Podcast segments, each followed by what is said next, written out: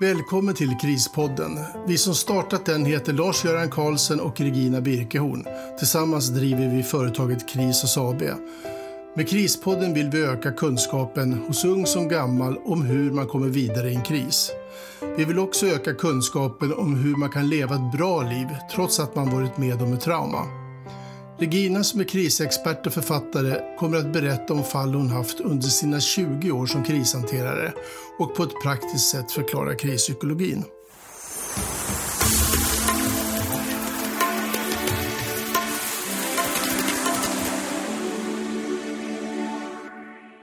Vid det här tillfället satt jag i ett klassrum.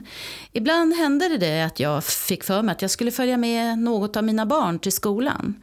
Själv var jag ju nyfiken på vad var det som hade hänt i den här världen sedan jag själv var elev. Med stor förväntan klev jag faktiskt in i barnens vardag och skolvärld. Har nog aldrig blivit så illa berörd av hur en lärare hanterade ett av barnen i klassrummet. Hade jag inte själv varit där hade jag nog viftat bort den här händelsen i tron om att barnet i frågan hade missuppfattat allt. Men den här gången, då var jag på plats och då fick jag verkligen skäl nog att komma lite oftare för att både visa stöd för det här barnet och för andra barn i skolan. Fröken i frågan hade gjort ett korsord på engelska. Hon eh, ville nu att barnen skulle finna tio ord det är lugnt och ganska tyst i klassrummet. Inom en kvart då hörs en röst, ivrig och jätteglad. Fröken, fröken, det finns elva ord där. Du har missat ett. Pojken i frågan han såg överlycklig ut för att han hade plötsligt blivit klokare än fröken. Va? Fröken vände på sig och tittade på pojken. Var då? Där fröken, ser du det där ordet? Jag har hittat alla tio, men det finns ett till, där! Han pekar ivrigt mot tavlan. Jättestolt över att han var först klar och sen hade han hittat ett ord till. Jaha, ja, ja, men det är inte mitt ord, sa fröken syrligt. Hon vände sedan pojken ryggen och sa åt honom att vara tyst så att hon kunde hjälpa någon annan. Där satt jag och jag blev alldeles tagen av scenen. Jag vände mig om till pojken och sa du, du är fantastiskt klok som kunde se det där. Fortsätt med det. Du kommer att gå långt. Jag tittade på honom med ett leende och gav honom tummen upp. Tack, svarade han lite blygt. Jag kunde se att han mådde bra av mina ord, men det fanns ett vemod i hans röst som inte gick mig förbi. Samtalet jag hade med fröken efteråt gjorde henne nog enormt besvärad. Men jag gjorde klart för henne att under inga omständigheter var det klokt att ha ihjäl ett barns självkänsla på det där sättet. Lika tydlig var jag med att jag kommer vara den där föräldern som tittar in lite då och då. Min son som gick i samma klass, han sa efteråt att fröken hade blivit mycket snällare sen jag hade varit där. I samma skola, flera år senare, så kom en av mina eh, andra söner hem och berättade att eh, det fanns en lärare som på något sätt inte alls var klok någonstans. Han berättade att han hade till och med varit hos rektorn för att diskutera om vad han skulle göra för att hon var hotfull mot honom. Jag blev lite tagen och bekymrad över hans situation. Eh, vill du att jag följer med? Han hade aldrig tidigare haft en enda lärare eller situation som hade krävt det av mig. Jag tittade på honom och han verkade ganska, eller väldigt lugn. Ja, det kan du väl göra. Du kanske får en patient till att ta hand om, sa han med ett leende. Vilket ämne gäller det då? frågade jag lite nyfiket. Natur. Vi ska ha fotosyntesen nästa gång. Och hon kommer inte klara av det. Alla i klassen är upprörda. För hon kan ingenting. Hon bara skriker att vi ska vara tysta. Jaha, ja, det kan ju bli intressant, sa jag med ett leende. Nu fanns jag där igen. Väl på plats så stod jag mitt i en klunga av min sons alla klasskamrater. De var upprörda och förbannade på den här läraren.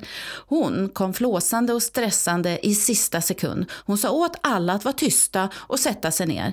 Jag slog mig ner bredvid min son och några av hans klasskamrater. Läraren vänder sig sedan om och börjar då skriva på tavlan. Hon skrev direkt från boken och pratade mot tavlan och inte vände mot eleverna. Och eleverna de bara suckade och det började bli lite oroligt där i klassrummet. Hon sa åt dem att vara tyst för hon hade behövde skriva färdigt. Fortfarande hade hon ryggen emot dem. Sorlet, det blev bara lite liksom mer. Och det gjorde henne ännu mer irriterande. Och plötsligt så säger hon till min son att vara tyst. Han hade dock inte sagt ett enda ljud under hela tiden. Han tittade på mig och viskade sedan tyst. Fattar du?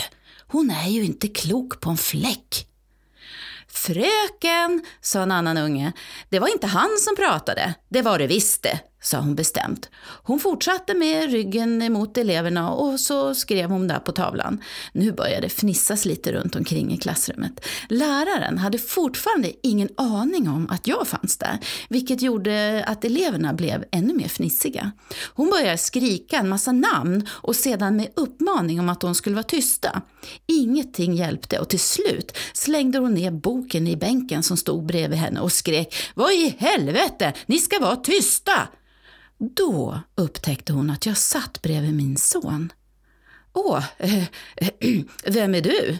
Hon såg verkligen chockad ut. Samtidigt såg jag att hon hade svårt att hålla ögonkontakt med mig. Ja, inte är jag din elev i alla fall, svarade jag.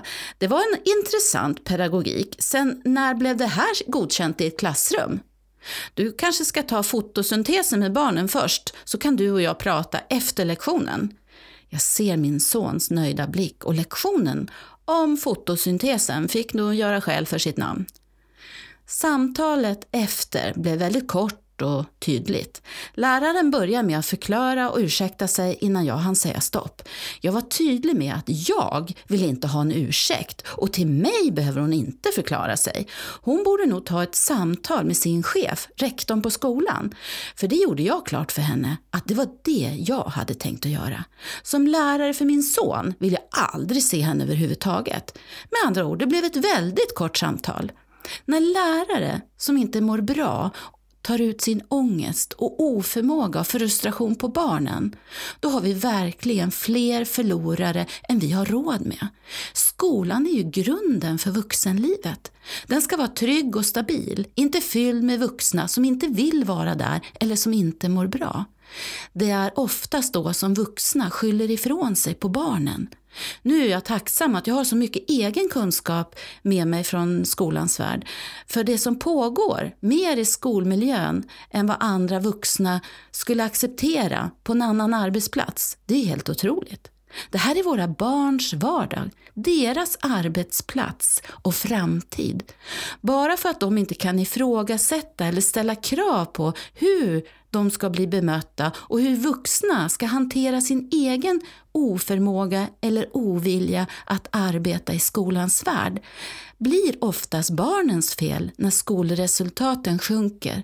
Ibland riktar sig denna kritik även mot föräldrar, vilket fascinerar mig ännu mer. Som förälder är man ju inte ansvarig för pedagogiken eller hur klimatet är i klassrummet. Många lärare är helt fantastiska och jag har verkligen träffat min beskärda del. Men när jag möter lärare som inte borde vara lärare kan jag verkligen undra vad får andra kollegor och rektorer att inte ta ansvar?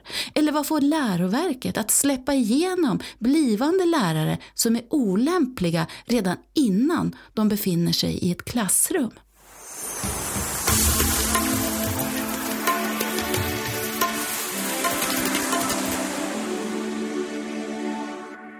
En av våra kursare jobbar sedan en tid tillbaka i skolans värld på ett gymnasium. Hon blev lite chockad över hur rektorn bemötte elevernas klagomål. Efter en termin bestämde hon sig själv för att nu borde hon nog ge ungdomarna lite verktyg för hur man kan leda ett samtal utan att hamna i konflikt eller skapa fler kriser. Modellen hon använde sig av den tillhör head-on-metoden och den har hon lärt sig på en av våra utbildningar som vi har i Krisos. Eleverna satte sig sedan ner i det där samtalet med rektorn för att få förändringar i deras arbetsmiljö. Den här gången med lite verktyg och kunskap om hur och vad man ska tänka på. Själv satte hon sig nöjd bredvid eleverna, dels för att ge dem ett stöd men också för att se vad hade hon lärt sina elever. Eleverna berättade faktamässigt om hur arbetsmiljön såg ut i deras klassrum och hur kränkande bemötande från en viss lärare påverkade deras studiemotivation.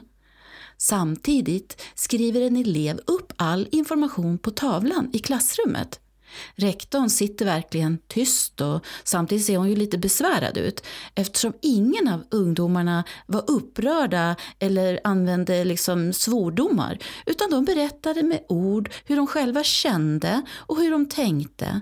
En efter en berättar de lika strukturerat med ett tydligt jag-budskap. Sen hade de några frågor till rektorn.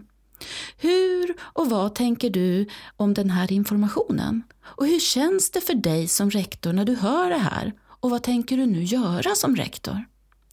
En av studenterna som satt bredvid rektorn, hon hade penna och papper, hon antecknade allt som sades. Vilket gjorde rektorn lite rödblossig om kinderna. Hon harklade sig och började sen tacka eleverna för informationen.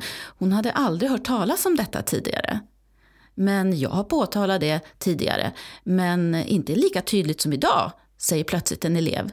Men det är inte det vi ska prata om, utan nu vill jag veta, vad tänker du om att vi har en lärare som kränker oss varje dag? Ja, ja, jag måste nog verkligen ta tag i det här, säger rektorn. Han har ju jobbat här i 20 år.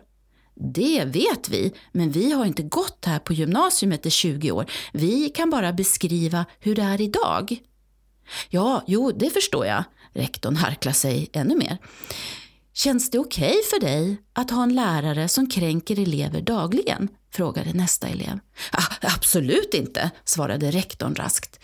Så vad tänker du göra då? Vi har lektion imorgon med honom.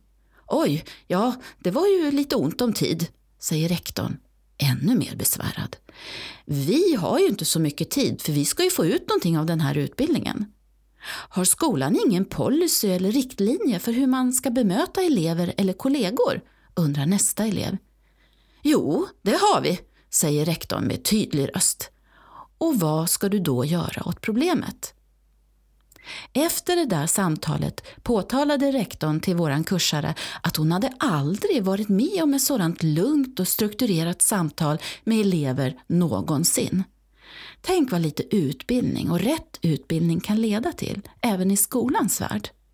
Eleverna själva de var glada och väldigt positivt överraskade hur enkelt det var att få ett känslomässigt jobbigt ämne att bli så konstruktivt men framförallt att bli lyssnad på med allvar utan att bli bortviftad om att man är bara barn och man borde lära sig att uppföra sig och finna sig i saker för att det är vuxna och i det här fallet en lärare som då finner sig att ta rätten att bemöta elever som mindre ovetande.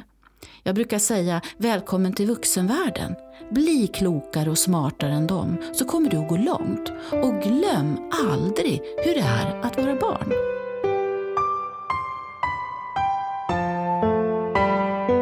Tack för att du har lyssnat på Krispodden. Om du har frågor till Regina kan du mejla dem till info.krisos.se. Krisos stavas med C. Vill du veta mer om Krisos kan du gå in på vår hemsida www.krisos.se eller besöka oss på Facebook.